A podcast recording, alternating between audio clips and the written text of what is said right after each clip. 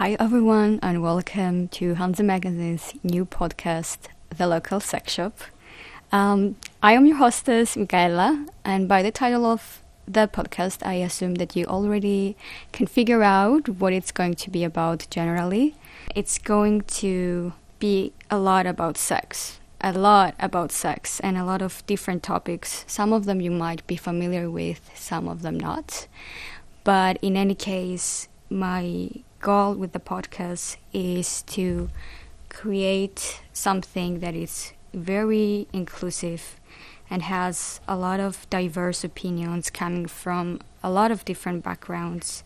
And I would like to focus a lot on personal experiences and also sometimes academic based information and provide something to every person who is listening to it. Yeah, so for the first topic of the podcast, I thought it would be very, very nice to start with a topic that might be odd. It might sound a bit odd because today's episode is about what sex is. And this topic actually came up after I posted a story on my Instagram and I was asking my friends, okay, if you were to listen a podcast about sex, what kind of topics would you like to listen to? And a friend of mine jokingly said, like, what is sex? um, but actually, what is it? Um, some people could think, or most people could think that it's a sexual act and it involves a vulva and a penis, and that is the main part of sex. Uh, but that's not all that it is. And so today, to make things clearer and give us some more information about what sex is, I have my guest with me, Clara. Hi. um, Clara, uh, could you please introduce yourself? Yeah, of course. I mean, yeah, I'm. Uh, I mean, we met each other in the uh, Groningen Feminist Network, um, so this is already perhaps an angle on how I perceive sex, how I approach sex. Um, but I do so also from different regards in my studies. I'm a Euroculture master st uh, student here in Groningen at the moment, in yeah, an Erasmus Mundus uh, study program where I switch universities a bit at the moment uh, in the Netherlands. Um, and before that, I did an uh, yeah, liberal arts and sciences uh, bachelor program where you also do a lot of interdisciplinary work uh, with a major in culture and history, so a lot of cultural studies, uh, with some courses that also revolved around definitions of sex. So um, yeah, this question about what is sex and how, which effects does it have, uh, for example, on if you talk about uh, feminism, if you talk about what is a, a woman, what is a man, what um, and how is society um, structured, you can make a lot of those connections, and um, so this is basically the approach from which I'm talking to uh, yeah, today. Yeah, I think that your studies have a lot to do with the with the topic today and how it can be approached because it is also a multicultural approach and it's also like a very it has a lot of diverse perspectives. But i would like to like really start with a basic question of today's podcast and really ask you how do we define sex today? Yeah i think there there is no one answer. And that is perhaps the most important takeaway or answer. I w- I wouldn't say that there's one fixed definition. There, of course, I mean, you can Google and, and or use a search engine of your choice and try to figure out what is sex, and you will find different hits. You will find different answers, and this also makes sense because you need different answers to meet different contexts, right? You need a different definition, perhaps in a legal context, when you try to uh, write a law or also in a court case um, define what is, um, for example, sexual assault, then teenagers will have on the courtyard when they're discussing about did you already do it and uh, are you a virgin? So all those conceptions, those are different definitions, right? Um, yeah, but I think um, you already mentioned one definition um, that is a very um, heteronormative, perhaps, or looking on sexual intercourse that involves penetration um, and is usually between cis men and cis women. So, as you said in the beginning, you want to do a, podcast about sex that is inclusive and the conception that many people, or we most of the time as a standard variation have, that is somehow is, uh, yeah, penetration sex of penis into vulva or vag- vagina, is somewhat lacking in regards. Okay, what about masturbation? What about um, oral sex? About like all the other sexual intercourse, or sexual activities uh, you can do, and have that definitely have some sexual connotations where arousal plays a role. That is not that clear, I don't know, vanilla sex penetration, whatever. And I think it's very interesting how some people just decide that it's very specific kinds of sex that exist mm-hmm. and are valid, and some are not. Um, like, for example, if you have penis and a vagina, that is definitely a valid form of sex. If you have two people who have penises, it seems to be more valid, like you are the one who has the sex, and it's more like acting on it, I guess, if you're the one who initiates the penetration. And if you have two people with vulvas, for example, then a lot of people might not consider that it's sex at all because there's no penis involved. And uh, maybe you need um, a sex toy, for example, to replace for the missing penis. Mm-hmm and I mean, uh, many people who are in, uh, not in heterosexual relationships get those questions posed, right? Like, how do you have sex? Especially um, female people um, lesbian couples get this question a lot, right? Um, how do you have sex? Like, how, how does it work? While usually knowing that when, as a hetero person, you have sex, it, this is also oftentimes there's more to it than just penetration, right? So, um, everything you you do together to like get this uh, this uh, sexual stimulation can be part of it. But there are a lot of those questions surrounding and surrounding especially those um, yeah idea of um, how what is a normative version of sex or what is the right kind of sex? What what counts? Um, especially when you think about um, yeah what counts as having sex what counts as, as um, having had sex for the first time, in especially those coming of age contexts, um, but perhaps also in relationship contexts um, when you talk about how you define exclusive monogamous uh, relationships, what is okay with another person, for example, what is adultery. Um, so um, there, it soon also becomes to like question: Okay, is that okay now, or is it not okay? Yeah, and I think there the lines become very blurry, and um, people who fall out of the norm can question those norms and also show that those definitions are obviously not able to cover everything. Yeah, but also since we're talking about the current definitions, I wanted to ask you like, we have this um, thought in our heads about the dominant idea of what sex is and what what we need to have sex, what are the components, but are there different kind of definitions or is there like um, past definitions that may vary from current definitions, or is it also maybe context dependent? Like if you go to a different culture, or if you go to a lot of different cultures, will they all agree that sex is mainly like vulva and penis? Hmm.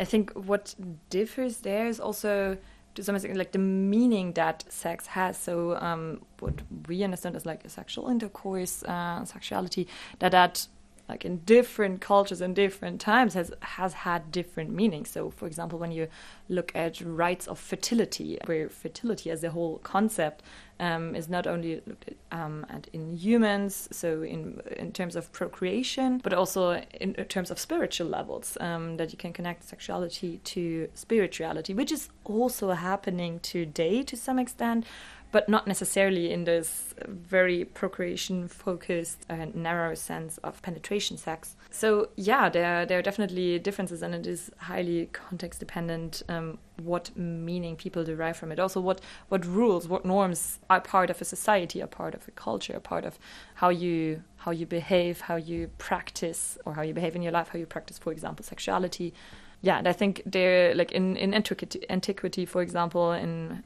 yeah ancient Greece with like the goddess Demeter, who was this goddess of fertility, had definitely a different relation towards what we perceive today as sex and sex, sexual intercourse and the whole rites surrounding it. Also, um, all the questions about what you feel comfortable with and what not, what you feel guilty about, perhaps, what you feel ashamed of. The whole question of shame. The conceptions have changed heavily over times, especially with regarding, I mean, for example. Uh, uh, female genitals, what is perceived as female genital, how how have they been portrayed, what what words do we have, what language do we have that we talk about. For example, about vulva, which is describing an organ that is more visible than a vagina, which is basically just an inner part that we have like a huge history, at least in European languages, me being a native German speaker, where you have all sort of words that describe emptiness rather than organs that can provide pleasure. So there has been a shift in recent years. Also, sometimes also drawing them back to to historic roots where we can see, okay, it hasn't always been like that. It's not our understandings of sexuality, our understandings of genitals, our definitions are not naturally given. They are cre- socially created. And if we look at how things have been or have been done differently in the past in different cultures, in different areas, um, in different settings, under different circumstances, among different people, we can also start questioning those norms and definitions that seem to be so natural and so normal, so deeply ingrained that we cannot even talk about them clearly. That we don't. I mean, you said, um, what is the current definition? I answered, there is no one definition, but at the same time, there's seems to be some consensus which is yet not often talked about or not not questioned so to start to question um, this consensus by looking at different definitions. Do you have any specific examples of definitions of sex in the past that were different from the definition that we have today, or like sort of definition that we have today? Mm-hmm. I mean, for example, about abbreviations, what what is allowed, what is forbidden, that you have in I mean, yeah, until post-war uh, period in, in Europe, you have a lot of, um, and then yeah, in that times that you find um, abolishment movements about um, same-sex uh, sexual intercourse. Um, that this has been a taboo. And then one thing about laws and taboos is, you, if there is the need to create a law against it, you can be sure that it is happening. Um, so if you create a law that disallows to um, have sex between uh, gay men, then you can be sure that there is something going on. So there's like culturally, it's interesting to look at. There's a process going on. Interestingly, especially in those times, it, it was usually you had written laws that forbid so gay men to have sex, but not so much uh, gay women because that was usually way more complicated to to write down. So how do you really write down? How how do you explicate what two women are allowed to do because it starts getting very complicated and very muddy when you um, what for example which which kind of um, practice can, is can you forbid that could not also be done between friends between a mother and a child and and then the question is how problematic is that to to current ideas of masculinity, ideas about marriage, about um, couples, about um, how good society looks like. So those threats yeah, and I think those definitions have changed in the past that they, this was just not questioned so much. Um, so, for example, that sexuality in again using the antiquity um, example could have been like a spiritual experience, but also in in Christianity you find that too. That in the uh, union um, based by God as blessed by God, um, there is like an a procreation of life as given from God. So there are also spiritual connotations to that. Um, and then when you yeah you look look at legal context, it's more about boundaries. Which boundaries can you transgress and cannot? Uh, so where do you set boundaries? Um, who decides what is, for example, I mean, there's this whole debate uh, in particularly the U.S., but not only, but there it's currently prominent again about what is consensual sexuality, what is consensus. Um, that you have only since the 1990s, I think, in different European countries, um, bans and that it's not allowed, uh, or that you actually can call it rape when a husband forces his wife to um, have sex. So those are there are changes of definitions of what is sex before. For example, what is rape in that case? Um, before that, that was even if the wife didn't want to have sex, that was legitimate sex because the husband had a right to have sex with her. So those are yeah definitions of uh, sex sexuality that ch- have changed over time, um, and that still are in a process of change in different societies in different contexts with different implications. Some of them legal, some of them more intangible. Yeah, I think it's very interesting what you were saying about what is uh, allowed by law and what is not allowed by law, and how that kind of specific thing has actually changed. Because it, I don't think it has changed everywhere. Um, yeah, for sure not. Yeah, and it has also led to cultural changes between married couples, for example, because you know that you're married to someone and there are some things you are allowed to do, and that is just the norm, and that is just how the whole society works, and then someone tells you, oh, wait, that actually, you shouldn't be doing that. That's actually violence. Yeah. Yeah, and that oftentimes when this change of perspective somewhere comes and somebody says to somebody else, well, yeah, you shouldn't be doing that because this is problematic, um, people tend to not react very well to that because usually that involves some kind of, yeah, change of perspective of of values, of norms, of how you perceive the world, uh, what you think is right, what your moral compass tells you. And sex always had, or yeah, is not always, but at least in our times for sure, it is closely connected to morals. So, what is right, what is wrong, what is okay to do, what not. Um, where are you transgressing boundaries? For many people, and that's where a lot of homophobia comes from, there's a link that has been supported by educative methods that gay or being gay also is closely connected to pedophilia so and this is, explains a lot of homophobia i mean course, not only and not all, but there is a traditional portrayal of the two things going together. I mean, if you look at what people have to go through adapting their or ma- making their gender assigned gender match to their um, identified gender um, they have to go through a whole lot of questions that are also connected to sexuality and what are considered sexual aberrations that have nothing to do with um, yeah, with identification, with self identification of gender or sexuality for that matter, or sexual orientation, but connected to a whole other list of things that are considered to be abnormal. And I think here, yeah, moles are closely connected. Yeah. So from what you're saying, I hear a lot about the norms and like the perspectives that you take and what do you consider it's normal and appropriate and what do you think it's basically inappropriate or um, or violent or um, criminal, I guess. And I wanted to go a bit back in the past, actually. Okay. And I wanted to really, really ask you. I remember that when we had a conversation, you were mentioning something about Freud. Ah. and I wanted to, yeah, kind of remember what you were saying. Yeah, so Freud is interesting when talking about sexuality and how we understand sexuality because I mean his yeah all the research he's done in like also looking into dreams but it was a lot about yeah about sexuality. That was one of his first topics that everything was revolving around. It then kind of developed i mean first his or basically it was his answer about everything. So everything is about sex sex drive.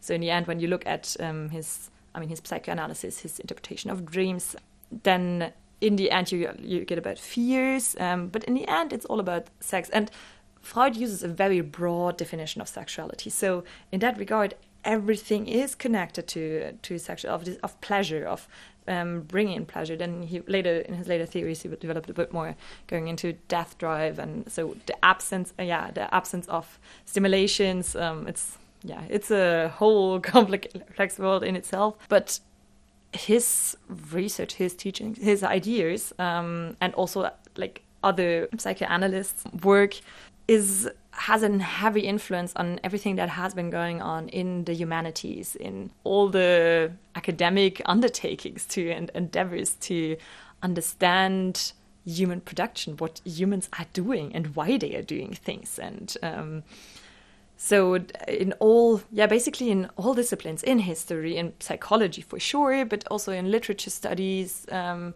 in cinema studies all that you will always find traces of uh, freudianism or um, psychoanalytic uh, theories.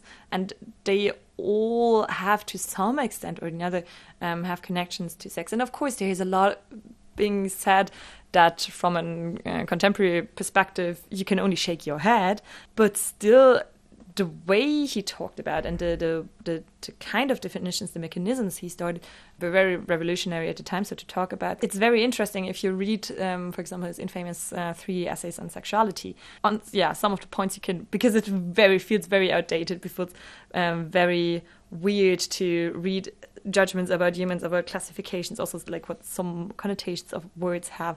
Um, but then at the other t- uh, times, you feel like, okay, wow, this is actually for his time that is very forward, so very, uh, very interesting, and those connections. And something that he said that you thought it was very progressive for his time. Mm, so, for example, uh, yeah, getting rid of judgment. Um, so, I mean, there were some some statements about okay, so this and this is homosexuality, this and that. So, some definitions we can really argue about, but that he generally got rid of the judgment, the tabooing of um, of those topics, but that he actually talked about and said, okay, so what what is this about? And it's not to not judge people based on their sexuality, for example. I think that is something that I could identify with. So you're telling me that Freud was like, yes, gay sex. yes, in that in that regard, yes. So he definitely has some problematic writings about um, how he under, how he understands where he, where he thinks it comes from, what that means.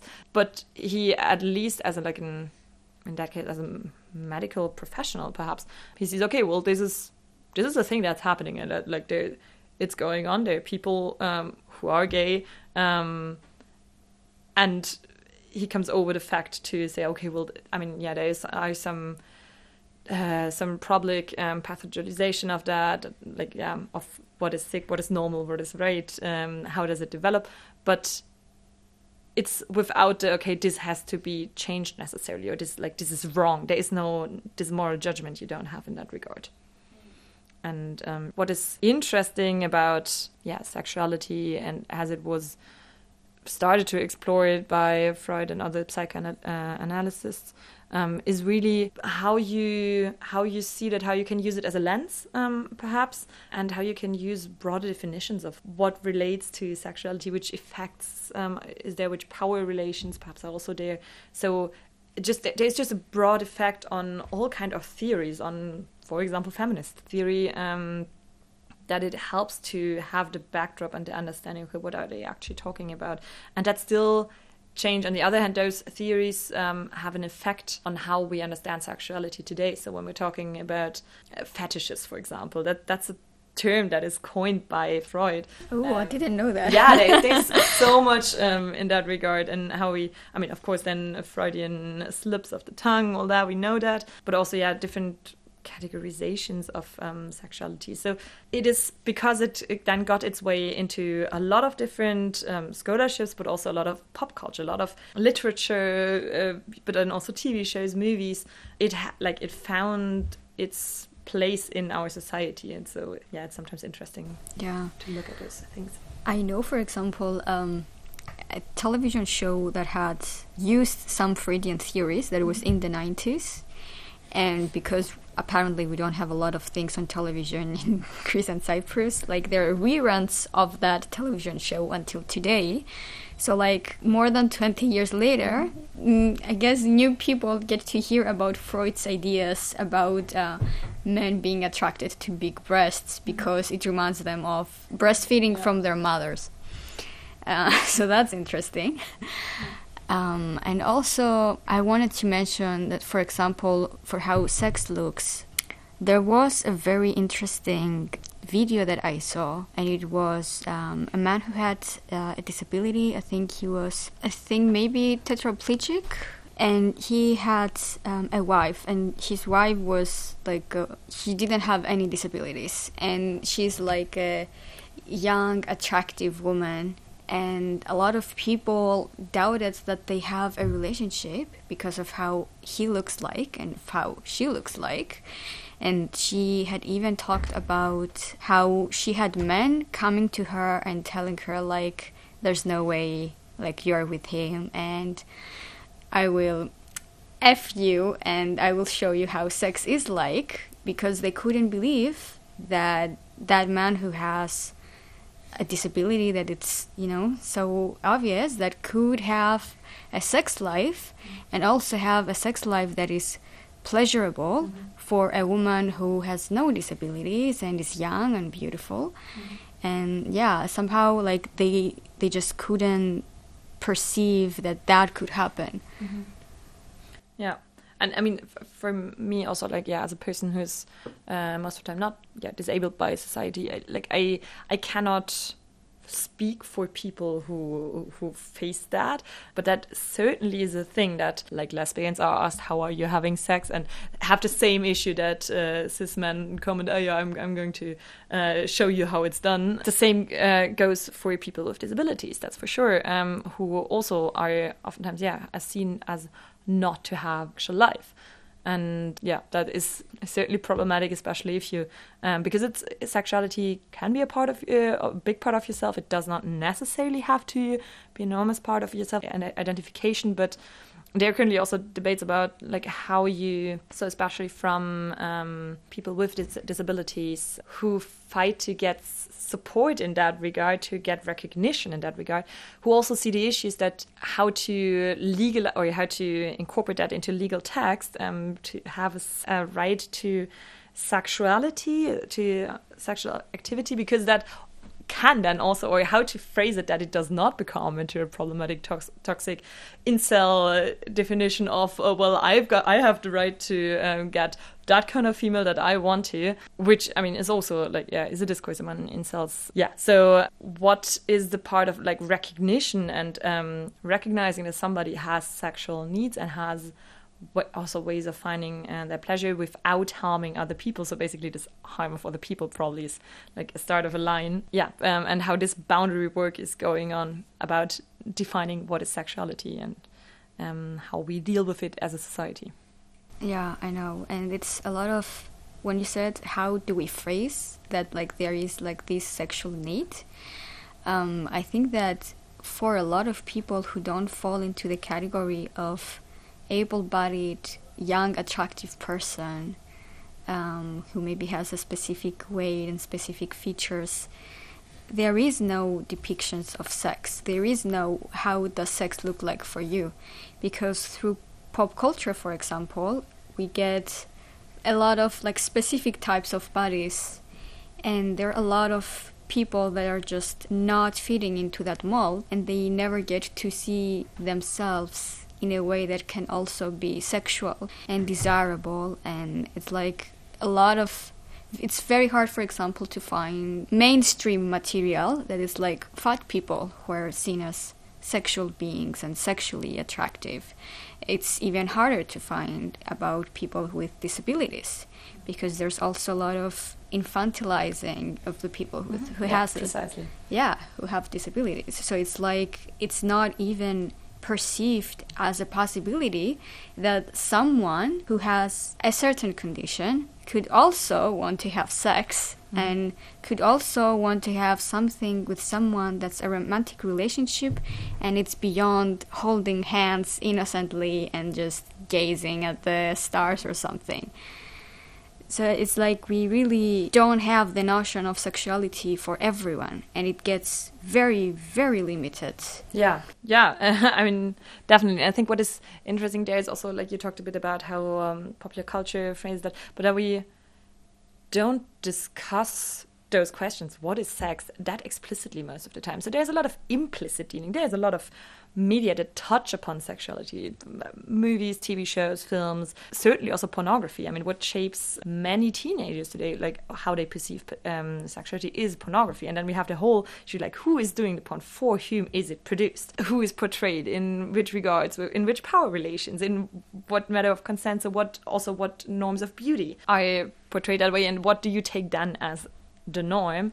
Um, and of course, there's a lot done in terms of sexual education, but this negotiation is mostly not taking place in the open. So not so much.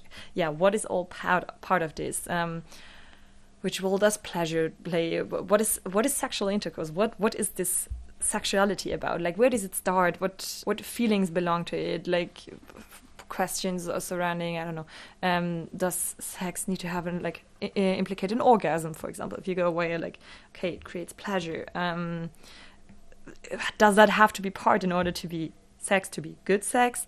Um, so all those questions are there and are engaged with but most of the time not in a not in a very open manner but they mostly are only brushed on um, yeah in popular culture and also like yeah in conversations that you have among friends among people I mean, yeah, and there's more and more productions um, about those topics and about those questions. What is sex? What is what is what is this norm that we've been talking about in the beginning, and what is the deviations from them, and how do you deal with certain things?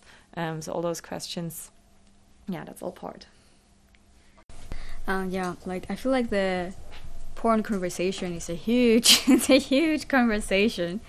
And I would definitely like to have like one entire episode on it and go hard at it because I feel like it it needs to be talked about. Yeah. Okay, I think we are almost coming to an end. But before we go, um, I would like you to give us some recommendations, maybe some material that we can look into. I mean, so the thing is that I guess most of the um, literature that I'm engaging with, also like more in my free time, comes actually from uh, oftentimes from a German-speaking context. So I was looking a bit into international variants, perhaps. I brought this like graphic novel with me that is the German version of it. It's originally in Swedish from the novelist uh, Liv Strömquist. So in English, um, it's the Fruits of Fruit of Knowledge. Uh, you find it in Virago Press uh, from 2018. I have it in like yeah the German version. Um, Der Ursprung der Welt, and in its original, it's called Kunskapens frukt um, from Ordfront Galago, published in 2014.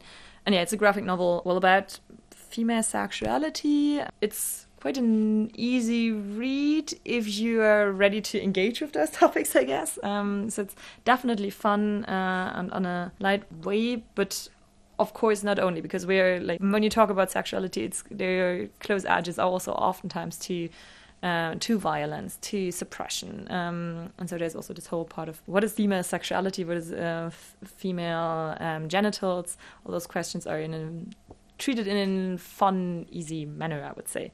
That book. So that is definitely a recommendation um, I would give.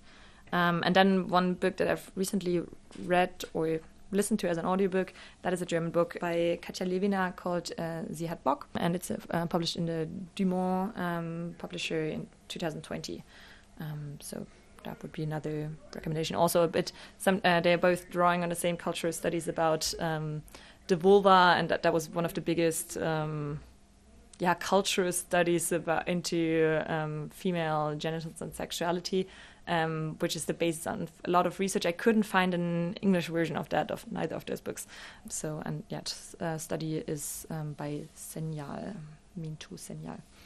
Um, yeah, that would be the recommendation. But yeah, certainly the graphic novel, Liv Strömquist, recommend. Thank you very much for that. Um, I really am curious to like go through it and see. Yeah. and see because it's a graphic novel. Yeah. about female sexuality. That's great. Uh, yeah, I would also like to give one recommendation. It's a podcast that's called The History of Sex, and as a subtitle, it's like gender and sex across world history. And it has a lot of uh, very nice and interesting examples about how sex was perceived in different cultures and in different times, and also gender as well. It has a lot of interesting examples about things that we we might not think through a lot. Uh, I know that there has like some specific episodes as well about uh, sexuality in Nazi Germany as well, mm-hmm. which was unexpected but interesting nevertheless. Um, yeah, so I would like to thank you a lot for coming here. And yeah, thank you for the invitation. Of course. And yeah. I'm interested to follow the podcast further on. thank you so much. And before we go, I would also like to thank my editor, Anna, uh, who will have Yay. to listen to all the conversations I will have from now on. Um, and yeah, um, I will be here uh, next time with an episode on aromanticism, and we will talk a bit about that and what it is. And our guest will be a person who is actually aromantic. Oh, I'm looking forward to hear about that one. thank you.